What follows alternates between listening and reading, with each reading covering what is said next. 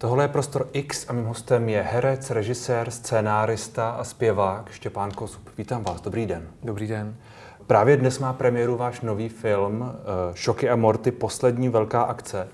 Jednu scénu z něj, respektive takovou potitulkovou scénu, jsme točili my dva tady spolu, respektive ještě s Jakubem Štávkem, ano. který je tam váš, uh, váš kolega. Uh-huh. Jak, se, jak se cítíte teď vlastně na stejném místě, ale už, už ne v roli? Bylo to, bylo, je to lepší v roli pro vás? Není, není. Je to lepší uh, za sebe. Uh, jo? To pro mě určitě. Já, já vlastně... Uh, je to trochu jiná dávka očekávání, si myslím, když jsem tady teď za sebe, než když hraju. Když hraju, tak se čeká humor. Hmm. A když jsem tady za sebe, tak se taky trochu čeká humor, ale když ho neudělám, tak si řekne člověk, tak on je takový prostě jiný. Tak bude překvapený. No třeba. Není to trošku vlastně blbý, že se od vás už čeká ten humor, že vás lidi znají scénkami a skvělým úspěchem Třech tigrů a Skoro na mizině a Lupták hmm. v Lajně, což jsem já nedávno viděl. To jsou všechno takové jako hodně komické postavy. Jsou a já tu, jako mám tu komedii rád vlastně, a, ale furt je důležité vědět, že to je jen práce a bylo by ode mě takové zvláštní, kdybych to, co dělám 12 hodin denně, dělal pak zbylých 12 hodin ještě doma, nebo jasně, soukromí, to už by jasně. bylo takové zvláštní, takže já myslím, že moc jako nejsem komikem za každou cenu úplně. Nejste komikem na ulici, nejste ne, komikem na potkání. Ne, to vůbec. Takový to, jak to má někdo, že prostě...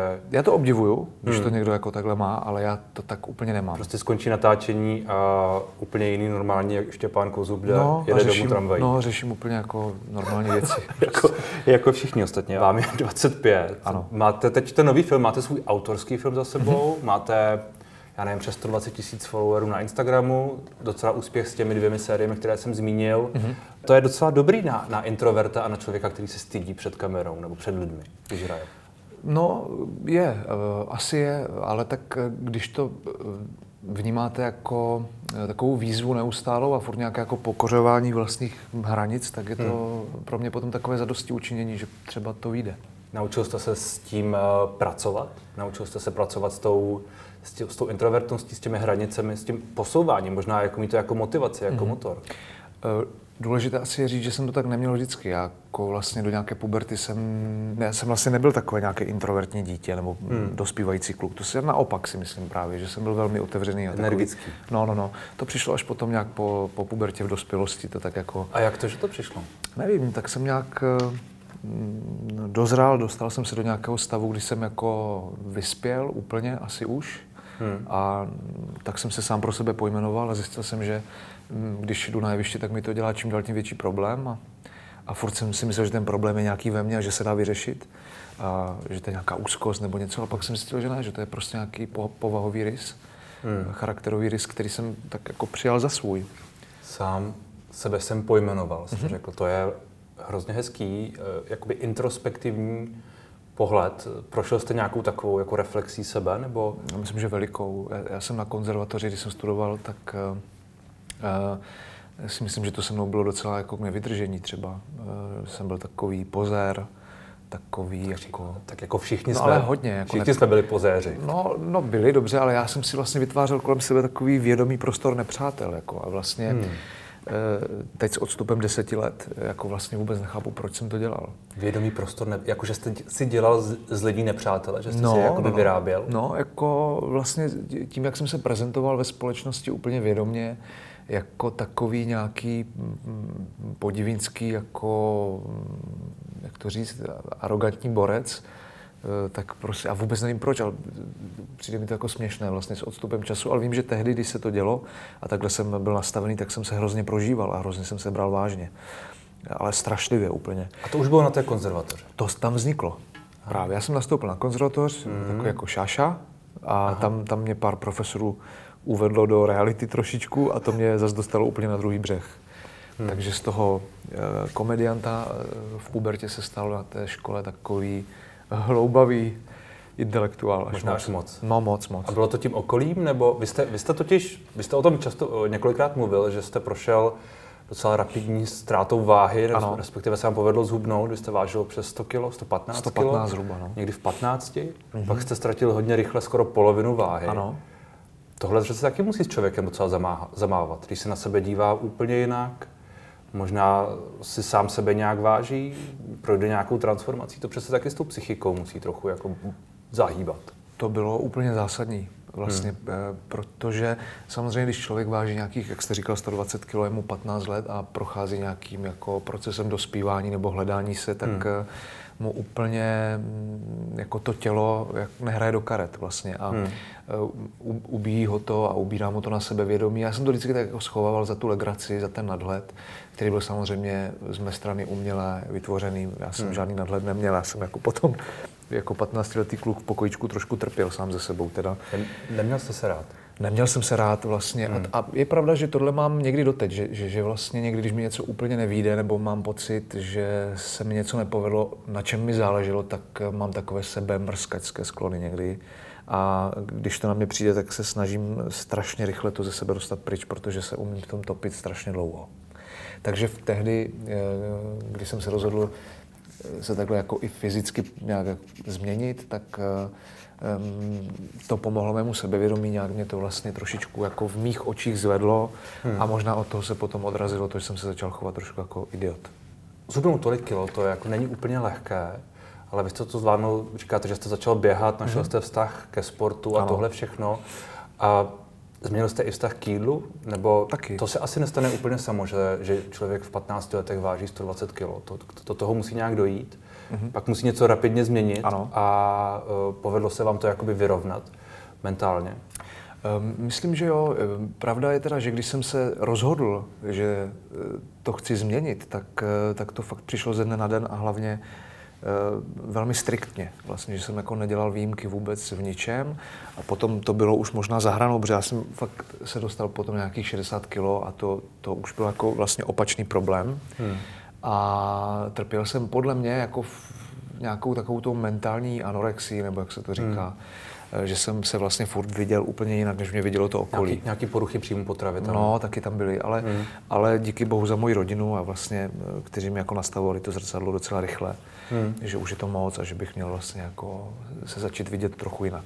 No, hmm. tak to mi pomohlo a potom, teď už se to tak jako myslím drží nějak normálně. A, te, a teď umíte uh, jíst, jak chcete, Neřešíte to, nebo to řešíte? Protože... Já myslím, že to musím pořád nějak řešit. Já mám nějaký ten genotyp nebo somatotyp, který hmm. není úplně jako připravený na to dávat si každý KFC, takže, ne, hmm. Eh, takže když to udělám, nebo si dám takový týden, kdy to takzvaně hřeším a je mi to jedno, tak potom to musím hmm. někde eh, v tom druhém týdnu zase vykompenzovat. Vy jste s vaší ženou 10 let, jestli se nepletu. Mimochodem, to je první věc, když dám do Google Štěpán, Štěpán Kozub, tak hmm. tam je první, co mi to nabízí, Štěpán Kozub se ženou. Hmm. Čili zjevně, zjevně to lidé docela, docela, docela vyhledávají, to je, to je vedlejší. Vy jste se seznámili v době, kdy jste byl už zhubnutý? Nebo... Ano, to bylo v době, kdy už jsem byl hodně zhubnutý. Kdy už jste byl hodně zhubnutý. Mm-hmm. Čili, čili ta, tam byla nějaká, jakoby, mě vlastně napadalo, jak, jak když tím letím projdete, jak to třeba pak ovlivní ty vztahy, že pak vlastně, vlastně chvíli potom navážete nový vztah, který trvá až, mm-hmm. až do dneška. No, uh, pravdou je, že jak jsem byl v tu dobu hodně zaměřený na sebe, hmm. a, uh, což bylo spojené samozřejmě i s tím hubnutím a celkově s tou změnou toho životního stylu, který hmm. jsem do té doby vedl, tak jsem trošičku vlastně ignoroval to okolí, nebo jsem ho vnímal nějak zkresleně. Tudíž vlastně ani ty ženy mě jako až tak nezajímaly vlastně v tu hmm. dobu. Což je docela paradox, protože mi bylo 16, 17 a to by se nabízelo, že vlastně v tu dobu by mělo mladého kluka nejvíc zajímat ženy. Nebo jako. Hmm. No a to právě u mě nebylo. A moji ženu jsem poznal v době, kdy jsem už sám začínal cítit, že bych potřeboval někoho vedle sebe, protože já jsem do té doby vlastně partnerku neměl. Hmm. Jako vlastně nikdy. Čili uh, objevila se moje vaše žena. žena je vaše první žena? Ano. Vlastně jste nikdy s nikým jiným nebyl? No tak měl jsem takové jako ty... Povrchní vztahy. No, no, no, no, no, no. Ale neříkal byste jim asi ani vztahy ne, jako ne, vážné? to určitě ne. Hmm. A rok máte dceru? A rok mám dceru. Jak se cítíte jako otec? Hmm. Dobře se cítím jako otec. Já jsem chtěl eh, dlouho dítě. Hmm. Možná právě díl než moje žena. A uh, až na to byla moje paní připravená, že bych chtěla taky dítě, tak jsme si udělali dítě a já jsem chtěl holčičku a narodila se mi holčička. Hmm.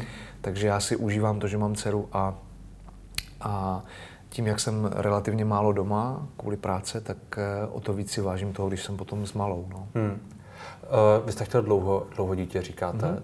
To je, vychází tohle nějak z vaší rodiny, pro vás byla, je rodina hodně důležitá, o tom, o tom mluvíte, mluvíte často. Mm-hmm. Předpokládám, že to, to zázemí, ze kterého vycházíte, otiskuje se nějak v tomhle uh, pevném vztahu a v tom, že máte dítě a že prostě eh, je tohle nějaká vaše priorita, řekněme. Rozhodně.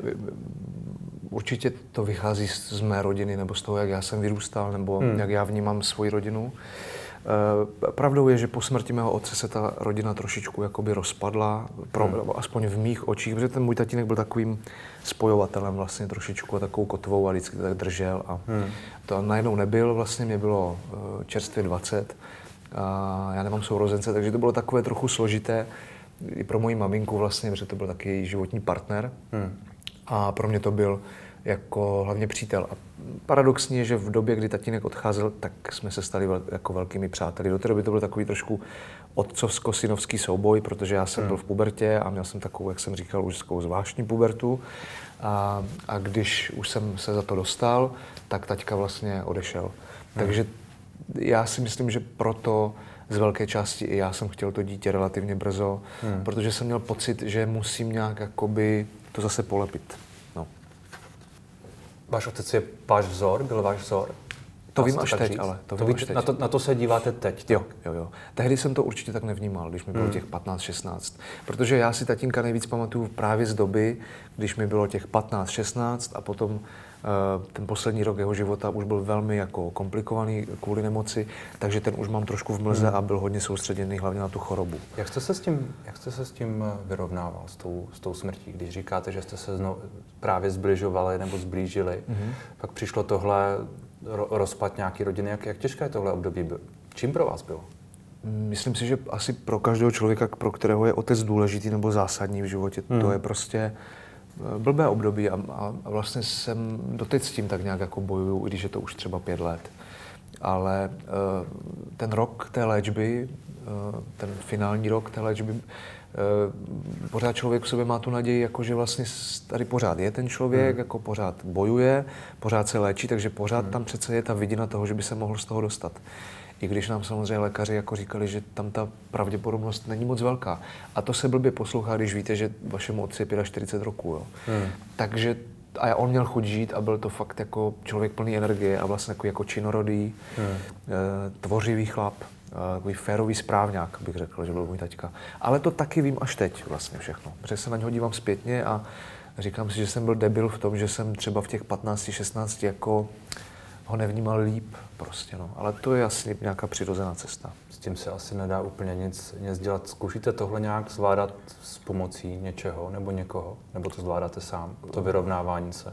Zvládám to sám a vlastně uh, mám přátele, kterých je pár, s kterými o tom můžu mluvit, když potřebuju, hmm. uh, a kteří mi pomohli. Mám rodinu, mám pořád maminku, mám ženu, takže vlastně to jsou ti nejbližší, se kterými o tom můžu mluvit, ale pravda je, že s mojí maminkou jsme o tom vlastně nikdy pořádně nemluvili, protože jsme si to asi potřebovali každý eh, odžít sám. odžít sám. My jsme totiž eh, tu cestu podstupovali s, s tatínkem a potom, když už odešel vlastně, tak mě odešel otec a mojí mamice odešel životní partner, takže hmm. najednou se ty cesty trošičku museli jako dostat každá zvlášť. No. Hmm. Váš otec, vy jste říkal v jednom rozhovoru, že vám řekl něco důležitého před smrtí. Ano. Něco, co vám předtím neřekl. Ano. Co to bylo? To bych si právě nechal pro sebe. Nikomu jsem to neřekl. Hmm. Je to něco směrem k herectví, nebo směrem k tomu, jak žít, nebo... Chápu, že mi to neřeknete, hmm. uh, respektuji. Asi to bylo... No, jak bych to popsal? Asi to bylo něco jako nějaký jeho opis života. Takový, jako jak on ho vnímal. Hmm.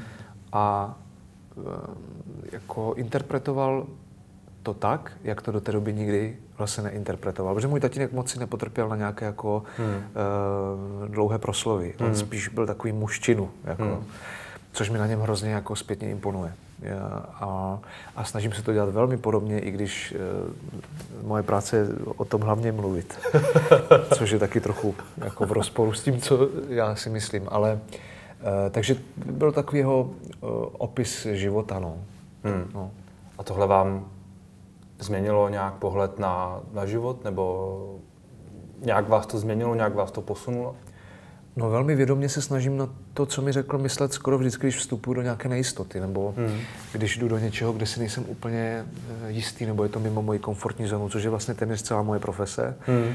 T, eh, já si každý den jako vlastně oblíkám cizí oblečení a předstírám, že jsem někdo jiný a to hmm. pro mě eh, s tím, jak přemýšlím o věcech jako a o životě není úplně snadné, ale je to nějaká cesta, musel jsem si to tak pro sebe pojmenovat, tak na tatínka myslím často, když vystupuju, nebo hraju, nebo točím, nebo zpívám. Vy jste to zmínil už několikrát, to, jak, jak, přemýšlím, eh, jak přemýšlím o světě, že vlastně to je trošku něco jiného. No. Tak eh, v, če, v čem je tenhle ten rozpor v tom, jak vy přemýšlíte o, o sobě, o mhm. světě a v, kde je to herectví a to všechno ostatní? Tak herectví je přece o, to je umění jako eh, lhát.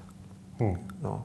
A to je něco, co mi vadí, jako mě jako osobně vlastně, i když vím, že to je profese, má nějaké zákonitosti, je to nějaká, jako, máme nějaký nadhled, e, víme, že to je jenom jako, ale mm, já ještě asi to mám trošku jinak v tom, že já neumím moc, eh, teď nechci, aby to vyznělo blbě, ale já neumím vlastně moc hrát jako technicky. Hmm. Já, samozřejmě prošel jsem si hereckou školou, kde se nějaká technika učí, takže já ji znám. Hmm. Vím o ní, ale neumím ji až tak dobře aplikovat na sebe. Čili si myslím, že ty věci si musím vždycky trošičku tak jako najít v sobě a trochu tak jako odžít, když hraju. Hmm. Ale to je hrozně tenký let tohle o tom mluvit, protože by bylo hodně kolegů, kteří by řekli, že mluvím nesmysly a že přece herectví jako je úplně jinak. Ale já ho bohužel, bohu dík, nevím, vnímám takhle. Každý to má asi trošku, trošku jinak, ale zároveň to zní, jako kdyby to pro vás bylo poměrně náročné. Vlastně ne možná úplně příjemné, nevždy úplně příjemné. Je pravda, že těch okamžiků, kdy se u herectví já bavím, je čím dál tím míň, hmm. a, ale je to asi nějakou mírou zodpovědnosti v první řadě, protože ve chvíli, kdy člověk přece pocituje nějakou dávku zodpovědnosti a cítí nějaký tlak, že je na něj vyvíjen jak sám sebou, tak i okolím, hmm. tak e, ta zábava jde na chviličku stranou a e, je to takový adrenalin. No. A Eh, ne, nebaví mě to herectví až tak, jako že bych úplně... Eh, bavilo mě tak v 15 třeba. to je první rok na té konzervatoři. No, ten první rok mě to úplně bavilo, pak se z toho stala fakt práce. Hmm. Ale zase na druhou stranu, když už jsem se rozhodl jí dělat, tak jsem si zase eh, dal takové pro sebe takový úkol, tak když už ji teda dělám, tak úplně. Hmm. Vy uh, jste zmínil, že jste, že jste k sobě asi hodně kritický, hmm. k tomu, jak to děláte. Asi jo. Teď říkáte, jak o tom mluvíte, mluvíte o tom hodně jakoby vážně, což je všechno dost vlastně v, kontrast, v kontrastu s tím, jak možná působíte. Mm-hmm, to chápu, no. Tak já... S, uh, to, může, to, musí, to, může, to může být docela náročné třeba při střetu právě s lidmi běžnými. Je, je, je. Proto se to snažím vždycky, když jdu někam na rozhovor, třeba k vám nebo hmm. kamkoliv jinam, uh, tak se snažím být co možná nejvíc za sebe. Uh, že vlastně se snažím nic nepředstírat, když mluvím a, snažím se mluvit docela otevřeně, protože bych byl nerad vnímán eh, jako nějaký blb.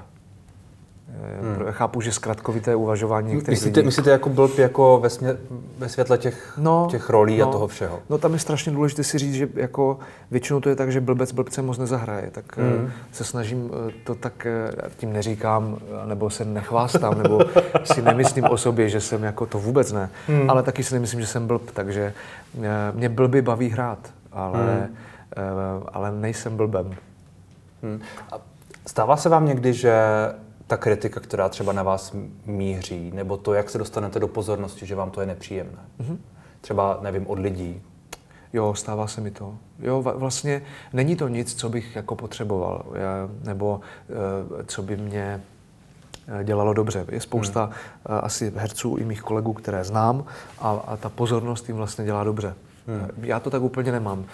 Když je kolem mě moc pozornosti a není to ani na jevišti, ani před kamerou, kam to patří, ale je to, když jdu koupit snídani nebo hmm. si jdu, zajdu si na kafe, tak tam je to pro mě trošku složitější, protože to je nějaký můj osobní čas, můj osobní prostor a většinou se děje to, že lidi na vás začnou hned šahat, hmm. začnou vás oťapkávat, mají pocit, že jste vlastně kamarádi, že se znáte leta. Jejich. No tak oni vás znají doma z toho hmm. obyváku, že hmm. jim hrajete v té televizi nebo hmm. na tom mobilu hmm. a já to chápu, já to úplně chápu ale je dobré taky respektovat, že když jdu po ulici, tak je blbý, že na mě někdo křičí takové různé věci. No. Hmm. Já jsem eh, v jednom rozhovoru jste mluvil o tom, že se vám občas stane, že na vás lidé křičí neúplně hezké věci. No, ano, ano. No. To se děje. No. Jakože nadávají? Nebo... No, já, jsem, oni... já jsem to z toho totiž úplně nepochopil, jestli to je jakoby agresivní, že třeba někomu se nelíbí, jak hrajete, mm, nebo mm. mu přijde, že jste, že jste skutečně byl. No, spíš takhle si myslím, no. Že mají pocit, že teď můžou zavolat na blba a na blba můžete přece zavolat hej ty blbče, ne? Aha. No, tak to se třeba občas děje. Uh, a, nebo mě oslovují, ale to je asi normální, e, jmény mých postav, které hmm. hraju. Ale jo. to je normální, nebo mi říkají zašil hej. Hmm. A když si nezašilháš, tak já tu fotku nechci.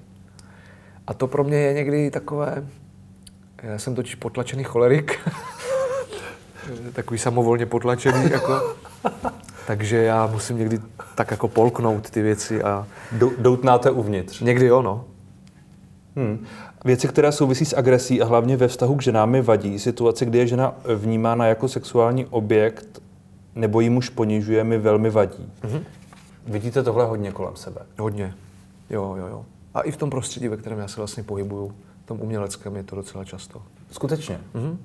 Chovají se lid, uh, vaši kolegové k ženám špatně? No, uh, ono je rozdíl mezi tím, když je to jako legrace a mají to obě dvě strany takhle nastavené, že ví, že to je humor, hmm. že si děláme legraci a on ten uh, humor někdy mezi herci je takový tvrdší nebo může pro někoho zvenku působit tak jako zvláštně, ale musí to mít obě dvě strany takhle nastavené, musí na to přistoupit. No, to je jedna věc a to je v pořádku když jsou shodnuté a domluvené ty strany. Ale pak je druhá věc, kdy se na tom domluví jenom jedna strana sama ze sebou, že to bude dělat. Hmm. Tak to mi vadí. Ale není to jenom v tomhle prostředí. Zase vím, že většina mých kolegyň, které já znám, eh, si to umí vyřešit hned, hmm. což je super. Uh, ale eh, vadí mi takové to mačoidní přistupování vlastně k ženám. Strašně. Hmm. Jako, uh, já nejsem feminista, jo? to je jako v první řadě to vůbec, ale Eh, myslím si, že žena by měla být vnímána jako něco eh, křehkého. A já mám rád i takové typy žen vlastně. Nemám rád moc tvrdé ženy takové, ale chápu, že možná něco schovávají. Já vůbec nechci nikoho eh, hodnotit, ale vadí mi, když se chlap chová jako prase. Dostali jste se, říkáte, že jste potlačený cholerik, Aha. někdy do, do situace, kdy třeba jste měl potřebu tohleto nějak řešit, nebo kdy, kdy jste měl potřebu nějak jako zasáhnout? Jo, je teda pravda, že mi to strašně nepříjemné to vůbec jako jít řešit. No, jasně. Uh, uh, mám strach vždycky vlastně hmm. a mám strach, že sebe neudržím pod kontrolou, nebo že ten dotyčný se neudrží pod kontrolou, nebo že se něco prostě zvrhne. Ale většinou se zatím stalo, že to vždycky šlo uh, vyřešit slovně. Jednou jedinkrát jsem zažil, že to nešlo.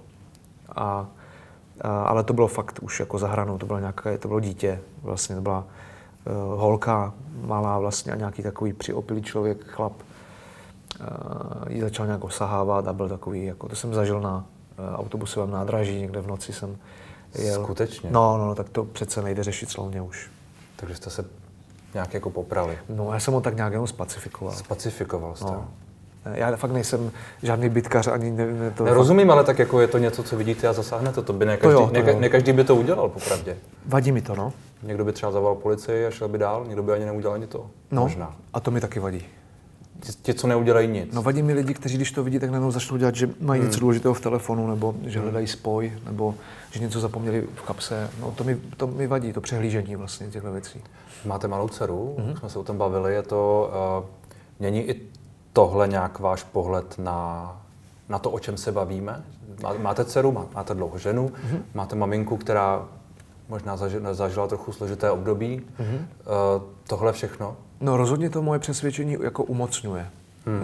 Moje dcera jako mi v mnoha věcech nastavuje buď to zrcadlo, anebo mě ujišťuje v nějakých věcech, které jsem si myslel, nebo naopak mi ty věci vyvrací tím, hmm.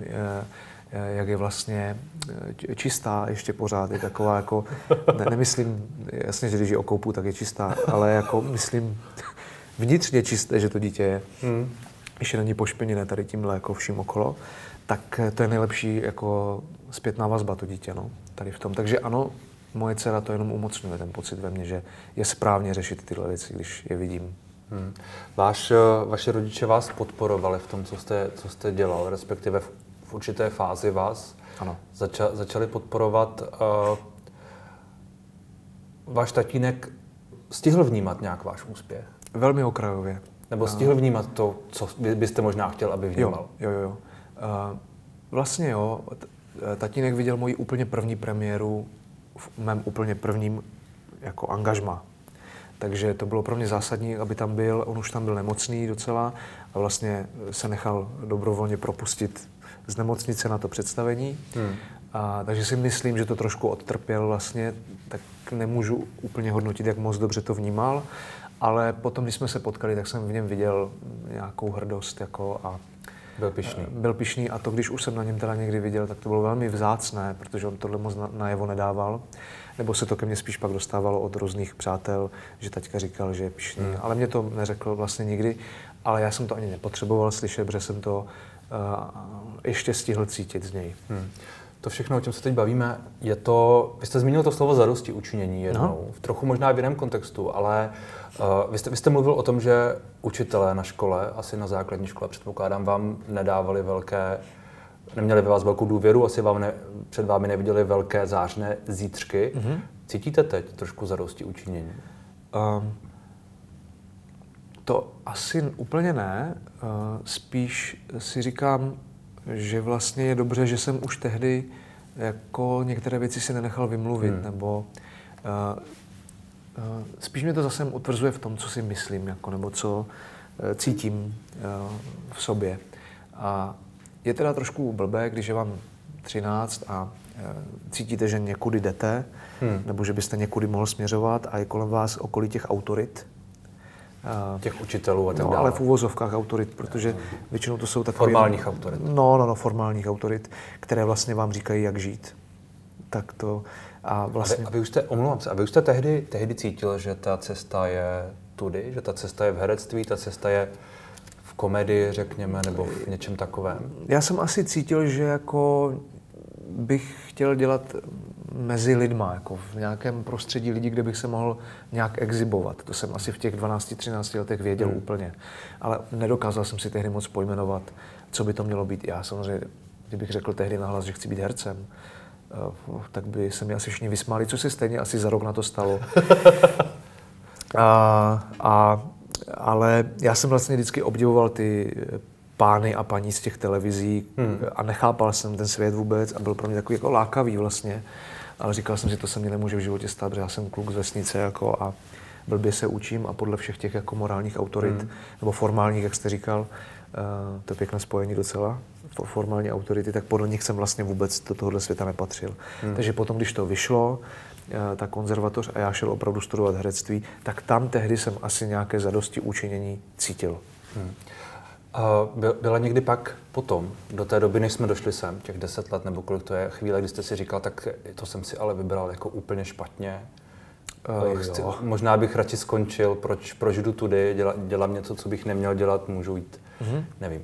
Měl jsem tu krizi, no, asi ve druhém ročníku nějak ke konci. Jako ještě vysloveně na škole? No, no, no. Ale myslím, že tím si prošel skoro každý jako z mých spolužáků, aspoň v tom ročníku, ve kterém já jsem byl. Hmm. My jsme měli docela uh, přísného pana profesora na herectví, z mého úhlu pohledu jako skvělý pedagog, ale byl velmi přísný a neodpouštěl, ale nebyl zlý.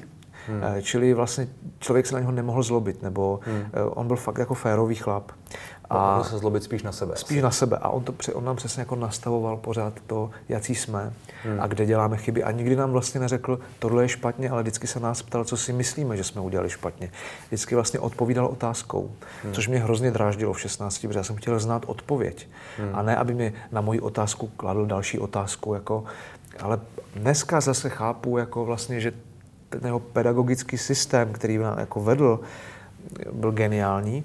Čili já jsem v tom druhém ročníku opravdu měl velké pochybnosti o tom, jestli to herectví chci dělat a jestli se chci opravdu celý život tím živit, že budu neustále svoji hlavu uh, jako nutit a lámat do nějakých věcí, které mě nejsou přirozené, že budu neustále potlačovat svoje ego. Ale to vlastně děláte. No to dělám, no dělám. No. A to, já jsem, než jsem šel k vám, tak jsem v, v taxíku měl aspoň tři takové záchvaty pochybnosti o své profesi. Skutečně? No jasně. Jakože je máte stále? Furt. A budete je mít stále? Já myslím, že jo až do, až do nevím.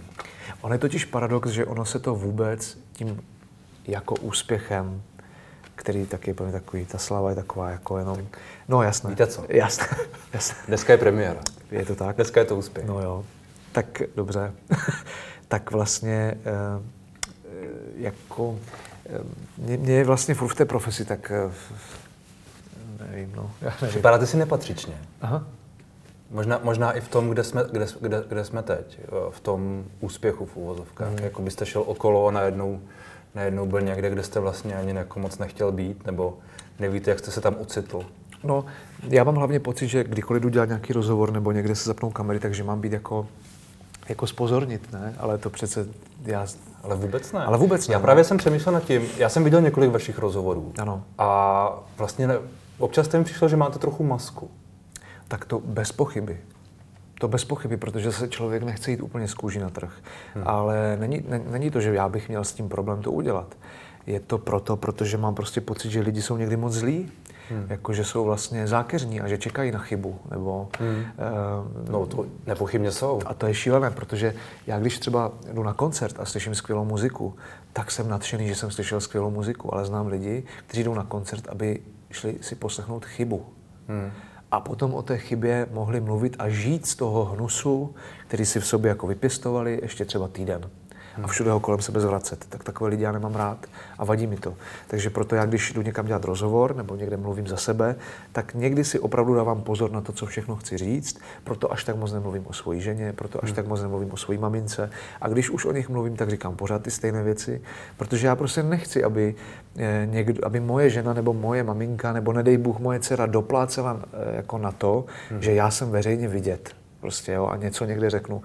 To, oni jsou prostě slušní lidi, já je mám rád a chci je chránit a jako e, nechci prostě je tahat do mého světa, prostě protože hmm. vím, že na to člověk musí být trošku připravený a musí mít trošičku krunýř a já ho taky vlastně si vytvářím za pochodu. Vytváříte se ho za pochodu? No. Učíte se srovnávat no, s tím? No, pf, úplně. Já jsem e, možná až přecitlivělý člověk, takže hmm. když někdo něco řekne, e, že je špatně, no tak já... Ale nechci do toho tahat ještě své blízké, tak je to můj problém. Hmm. A kde je ta, kde je ta hranice? Dokážete, dokážete říct? Uh. Vy, vy říkáte, mám, mám nějaký, ně, nějakou krustu, řekněme, na sobě, držím, držím pryč svoji nejbližší rodinu, nechci mm-hmm. do toho zatáhávat. Ano.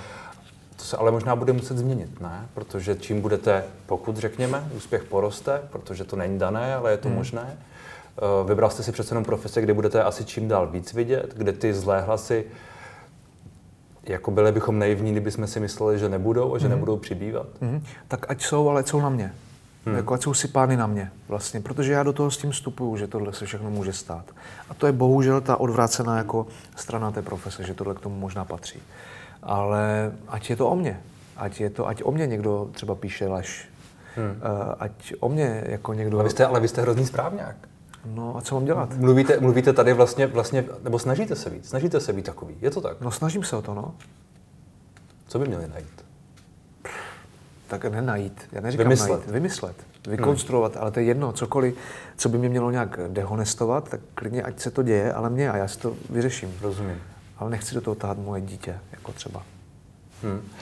Vy už jste tu zmiňoval tu vaši metodu hereckou, která je možná pro někoho trochu neortodoxní. Hmm. Jak byste se popsal jako herec?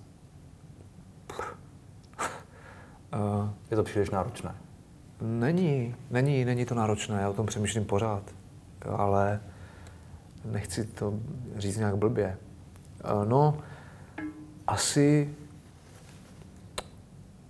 takhle. Uh, ve skupině kolegů, jako ve které já se pohybuju, a teď mluvím třeba o třech tigrech, se kterými jsem vlastně nejčastěji, hmm. a potom si sem tam odskočím na nějaký film, kde se pohybuju zase v jiném prostředí herců, tak v té skupině těch tigrů, kluků, které znám leta, už jako nemusíme moc před sebou nic jako e, předstírat, protože se docela hmm. dost jako dobře známe. Takže tyhle kluci by vám asi úplně nejlépe mohli říct, jak přistupují k herectví. A vím, že někdy tu profesi moc hrotím, takzvaně, eh, že to beru někdy moc vážně, i když je to komedie, to je úplně jedno, co to je za žánr. Někdy jsem příliš eh, třeba eh, pontičkářský a někdy naopak zase ne. Někdy je mi to jako jedno. Je to strašně těžké to popisovat, ale ne, ne, nekalkuluju v herectví prostě. Hmm. Mě překvapilo, když jsem četl uh, jeden, jeden z vašich rozhovorů uh, o tom, jak jste pojal tu postavu Luptáka v, eh, no. v Lajně. Ano. Že když to vidí člověk, uh, divák, který jako netuší, tak vidí prostě člověka, který nějak hraje a říká si, on prostě možná takhle hraje.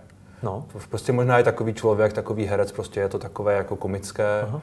Uh, ale já jsem četl, že vy jste hodně přemýšlel o tom, jak tu postavu uchopit, Aha. že jste vlastně přesvědčil režiséra, jestli se nepletu, aby to bylo trochu jinak, než ano. to mělo původně být, že jste to chtěl mít hodně po svém. Ano. A že zatím asi bylo dost přemýšlení hmm. a dost nějaké snahy to nějak jako uchopit a udělat to zajímavě. Ale to je vždycky. To já mám teda takhle vždycky při té práci. Já se snažím hmm. vždycky, abych to nebyl já.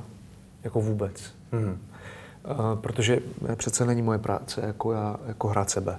Já čtu nějaký scénář, nějaký příběh nějakého člověka, který má něco za sebou, něco před sebou a já vypravím nějaký oblouk toho člověka. A nevadí, nevadí vám jít úplně do jiné, do jiné pozice? Ne, naopak. Úplně, úplně naopak vám to vyhovuje. Být no vlastně ne, vyhovuje. úplně co nejvíc jiný. Ne, že vyhovuje. Samozřejmě, že to nevyhovuje, protože vy musíte opustit svou komfortní zónu. To není hmm. příjemné nikomu. Ale teprve potom, když se to podaří, tak mi ta profese jako dává smysl a začíná mě bavit. Když jako něco čtu a mám to hrát, a říkám si, to je strašně jednoduché, tak mě to hmm. jako už nebaví. Hmm. Protože přesně vím, jak to udělat, přesně vím, jak to udělat, abych se zavděčil, aby se to líbilo, ale já nebudu s tím v pohodě. Takže mě vždycky baví dostat do těch věcí něco, co nejsem já, a já se na to potom koukám a říkám si, jo, já se tam nevidím. A to je pro mě, když tohle já vidím, že to tak je, tak já jsem spokojen. Vy jste řekl, že vás divadlo poličťuje mm-hmm. nebo poličťovalo. Ano. Co to, co to znamená? Mně se to hodně líbilo a vlastně nevím, co úplně se tím představit. No, chodíte do divadla? Ano. No, a cítíte se tam dobře? Jak kdy? Jak kdy, no tak jasně, ale jasně, to je dobré.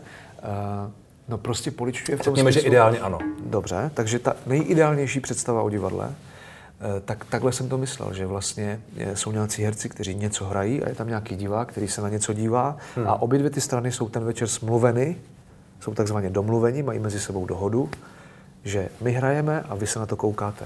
Hmm. A je to dohoda. A najednou mám pocit, že to ty lidi třeba na ty dvě hodiny spojí a jako sdílejí jeden okamžik všichni. Hmm. Jeden zážitek, ať je to veselohra, nebo je to nějaké drama, nebo muzika, nebo opera, ale sdílejí nějaké podobné emoce. A to si myslím, že ty lidi poličuje. Já, když odcházím z divadla po představení, které hraju a vidím lidi ve foaje, tak vidím, že jsou spokojení, hmm. že jsou takový volní, takový jako uvolnění. Mnohem uvolněnější, než když tam přichází do toho divadla třeba. Hmm. Tak v tomhle, to je ten ideální případ samozřejmě, jsou taky představení, které prostě nevídou. Hmm. Ale takhle jsem to myslel, takhle. Jak do tohohle zapadlo to, že tu byla ta pandemie, dlouho se nesmělo hrát, vy jste vlastně se s tím vyrovnali skvěle, protože jste jeli nějaké online projekty, ano. ty uh, skoro na mizině a vlastně i ty tři tygři, ty scénky. Ano. Všechno to fungovalo, hodně lidí to vidělo, ale nebylo tam ten lidský element, nebylo tam to poličtění. No my jsme se museli vlastně adaptovat, no. Uh, Chybělo vám to? Moc, moc. A já jsem ještě vlastně divadlo nehrál od pandemie pořád, hmm. protože jsme soukromé divadlo a když nám někdo řekne, že tam může 70% lidí, hmm. tak to prostě pro nás pořád ještě nemá smysl. A, takže čekáme. A, a museli jsme se úplně přeorientovat vlastně v tomhle smyslu. My jako jsme e, primárně divadelníci s klukama z divadla Mír a e, měli jsme nějaké kamery na půdě jako v divadle, a, tak jsme si řekli, pojďme oprášit a pojďme zkusit něco jako točit. Hmm. Ale vůbec jsme nevěděli, jestli to vyjde. Vůbec tam nebyla ta ambice, aby to vyšlo. Jediná ambice byla, pojďme zachránit jako tu naši práci aspoň nějak. Hmm. Protože divadlo Mír vzniklo fungovalo rok a zavřelo se. Hmm. A já vím, co všechno bylo za vznikem toho divadla, kolik v tom bylo peněz, úsilí a energie různých lidí. A najednou nám někdo řekl, a konec. A my nevíme kdy, to zase otevřeme. Nechte nás tak, my uvidíme. To bylo pro nás hrozně nekomfortní a jako blbě. Takže jsme začali natáčet skeče a dávat je nejdřív na Facebook. A tam začali mít docela jako dobrý zásah. Tak jsme zkusili YouTube a dneska je tam 60 milionů zhlednutí. Hmm. Což já o tom vůbec nepochybuju a vlastně mám pocit, že se vám to povedlo asi, nebo nepochybně se vám to povedlo Asi se něco povedlo. Otočit, zachránit, cokoliv. Minimálně se o vás ví všech, takže nějaká budoucnost tam je. Spíš si říkám, že pokud to pro vás má ještě nějaký další smysl a ne, nejenom ten prostě vydělat si a ano. zachránit to, ale zároveň, aby to dalo něco vám, tak to možná prostě chybí. Ale zase aspoň zpíváte, tak jste před lidmi jinak. Zpívám taky vlastně díky pandemii, jsem začal zpívat. Hmm. Já mám pocit, že ta pandemie jako vlastně ve finále po všech těch špatných věcech, které tomu předcházely, mi pomohla. Hmm. Jo, že, a to jsem slyšel už od hodně lidí tady. Ale fakt mi pomohla. Hmm. Eh, protože já jsem měl nejvíc práce v době pandemie jako kolik jsem kdy měl. Já jsem za dva roky jako natočil šest filmů, hmm. udělal jsem eh, já nevím, 32, 33 online přenosů třech tigrů, natočili jsme asi 55 sketchů, eh, natočil jsem seriál, eh, vlastně, takže mě to jako přineslo nejvíc práce. Natočil jsem album s kolegou Jirkou Krhutem, takže já jsem měl vlastně strašně moc práce, poznal jsem hrozně moc lidí, taky teda jsem poznal dost sebe a hmm. jsem jako vlastně za to relativně rád, jenom mi chybí to divadlo. Chybí hmm. mi ten živý kontakt, chybí mi lidi. Hmm. Uh, jeden z těch filmů, který jste natočil, je právě ten, o kterém jsem mluvil na začátku, Šoky a Morty, poslední velká akce. Ten je, ten je hodně o tom, jak jste si sedli s Jakubem, s Jakubem Štávkem. Mm-hmm. Čím, to, čím to je, že tahle ta vaše dvojice tam funguje? Já myslím, že to je převážně tím, že mě na Kubovi, já budu mluvit jen za sebe, eh, mě na Kubovi jako baví určitá dávka bezprostřednosti, a autorskému přístupu k herectví, a který bez pochyby má a mě to vlastně imponuje. A zároveň eh, já si jako hrozně vážím lidi při práci, kteří si dokážou ze sebe udělat legraci, dokážou hmm. se zhodit, a když jim něco nevíde, tak se dokážou povznést. A to si myslím, že je on. Já když jsem ten film viděl, tak jsem měl pocit, že v něm asi může být hodně improvizace. Je tam. Že to mohlo být jako takové živelné, řekněme v úvozovkách natáčení, mm-hmm. kde se hodně pracovalo s tím, jak prostě ten den zrovna to všechno, jako jak ta chemie funguje. To se dělo, ale zase pravda je, že bych si asi ani já, ani Kuba nedovolil dělat něco, o čem bychom jako dopředu hmm. neřekli režisérovi, protože to se prostě úplně nedělá. Jasně. Zase, aby to nevypadalo tak, já nejsem žádný jako herecký rebel, jo. To zase jako, tak fakt není, já se na těch věcech domlouvám a hmm. když mě něco napadne v ten moment, tak to prostě udělám a pak eh, se omluvím, jestli jsem to neměl dělat nebo měl. Hmm. Ale lidi často říkají jako improvizace, takže vy jste se nedrželi scénáře a tak jste si jako, no, no to tak úplně není. Zase jako e, něco odimprovizovat, to taky vyžaduje nějakou dávku přípravy jako a nemůže to dělat Jasně. každý. Takže vlastně e, já mám pocit, že většinou se ty věci tím pozvedají. Hmm. A když to ten daný člověk umí, když to ten daný člověk neumí, ale myslí si, že to umí, tak je to většinou jako komické, ale nechtěně. Hmm. ale e, já zase vím, kdy je třeba jako opravdu e, se upozadit a sloužit věci. Je to podle, je, je to slovo, slovo od, slova. Ano. Ten film um, je o dvou youtuberech, hmm. kteří uh, se vydají na takovou jakoby cestu. Uh, je tam legenda o krvavé nevěstě, to asi můžeme říct. Končí ano. to končí to trochu v krvi, řekněme. Aha. To taky asi můžeme říct. Asi jo. Je to, je to komedie, je to horor, je to, je to, je to, je to rozhodně neotřelý námět. Mm-hmm. Co je to pro vás? Tak v první řadě si myslím, že to je žánrový film, které se u nás nedělají. Jako, hmm. Vemte si, že u nás, když vzniká komedie, tak je to většinou nějaká taková jako romantická komedie v saku a kravatě a většinou je to o tom, že přestárlý muž balí mladou ženu. Hmm. Jo, tak to je takové dobře. Ale už jich tady máme asi 100, tak už stačí. A vlastně se vůbec nedělají žánrovky. A myslím, že tohle je přesně hmm. žánrovka. To balancuje na takové hraně jako komedie a hororu. Uh, nevím o tom, že by nějaký podobný film tady vznikl někdy. A měli jsme velký prostor vlastně tomu se herecky projevit, což taky není úplně běžné eh, v českém filmovém prostředí. U nás se totiž často používá míň Uber, hmm. nehraj. A já většinou říkám, ale já jsem herec. Já... Drž se zpátky. No, drž se zpátky, ne, nevy, nevy, nevykukuj. Eh, a když to trošku uděláš, tak ti hned někdo jako sekne přes nohy a Uber a zase se zařadí do té skupiny. Nevím, proč to tak je. Uh, uh, nevím, proč to tak je. A, ale no, tady právě... tam možná jedna velká hvězda, kterou nesmíte zastínit, ne? Někde. Možná. No možná, nevím, já moc na to, na ty hvězdné jako, eh, já nevím, je to takové, když mi někdo říká hraje s hvězdou, tak já vlastně eh, vůbec nevím, co mi tím jako chce říct, že mám hrát mý, nebo se mám bát, nebo... No zjevně. No je to absurdní úplně. Hraju doma s člověkem, s kolegou. Hmm. To je jedno. No, myslím, že to je žánrový film a že to je vzácné, že, že, že to balancuje pěkně na takové té hraně komedie a hororu a proto si myslím, že by to diváky mohlo, mohlo bavit. Hmm. Vy říkáte, uh, že vás práce musí bavit a naplňovat. No. A je to, je to víc než peníze? Je to víc než, je to víc než, uh, ne, než komerční úspěch, než ob, úspěch obecně? Rozhodně. Já jsem nikdy ještě nevstupoval do projektu, o kterém bych dopředu věděl, že bude komerčně úspěšný. Hmm. Nikdy. Uh, doteď jsem neudělal jedinou reklamu, jako na, na Instagramu mi chodí tolik, já to vůbec nechápu, mi chodí tolik. Žádosti o spolupráci. No, no, a já to vlastně vůbec ještě jako jsem neudělal ani jednu, protože já, jako mě by bylo blbě, kdybych řekl, tak já teď budu tady teda propagovat tu vaši čokoládu a vy mi pošlete těch 30 měsíčně. Hmm. Já bych si cítil, že to mám za nic. Hmm. tak jako chodí. Měl byste to za nic. No, ale mě to nebaví. Já to a zároveň byste to měl za to, co jste vybudoval doteď. Jo, to, ale to já... není jako jen tak. Mě, mě nikdo nepíše takové věci. Tak napište, prosím vás, někdo tady Čestmírovi, který se fakt snaží. Dokonce jsme se bavili, že se doma sám líčí. Jo, má pudr. Má pudr, má i takové ty ty, jo, srandy, že? Je to tak? No, no tak mohl byste mu třeba někdo z Avonu napsat, nebo jako, že bych chtěl nějakou spolupráci. Uh, ano, ano. Uh, nikdo mi nepište, ale, ale je, to, je to pravda. No. Ale nicméně něco jste vybudoval má to nějakou hodnotu. Asi ano, ale já No, já tomu nerozumím moc tady tomu, proč by to hmm. tak, proč bych měl. Tohle se ale může změnit? Nebo jste, může se to změnit. Jste, zavřen, jste, jste uzavřen předtím, bude, budu, ne, budu jenom ne. poslouchat své herecké srdce. Ne, ne, ne, Nikdy ne. nepůjdu do uh, soap opery nebo do něčeho, takhle to do určitě... nějakého filmu se stárnoucím mužem, a ne, ne. který se vádí ženu. Ne, ne, ne, takhle to určitě není. Ne, nejsem uzavřený těm věcem, jenom hmm. zatím jim nerozumím, proč bych je měl dělat. Nemám k tomu důvod, hmm. e, nebo mě to nějak nezajímá, Neba, nechci dělat. Eh, a když už, tak si to chci vybrat já, hmm. teda. A jo, že mě se třeba líbí něco a přijdu a tam se, mně se to líbí, nechtěli byste nějak spolupracovat, třeba já bych to nějak to takhle a takhle. Ale to taky ještě zatím nenastalo. Hmm. Uh, takže ne, no, zatím ne. My bychom mohli mluvit ještě hodně dlouho, ale bohužel na to není úplně čas. Děkuji moc za rozhovor a ať se vám dál daří držet, držet tu správňáckou linii. Já děkuji za pozvání. Díky. Taky.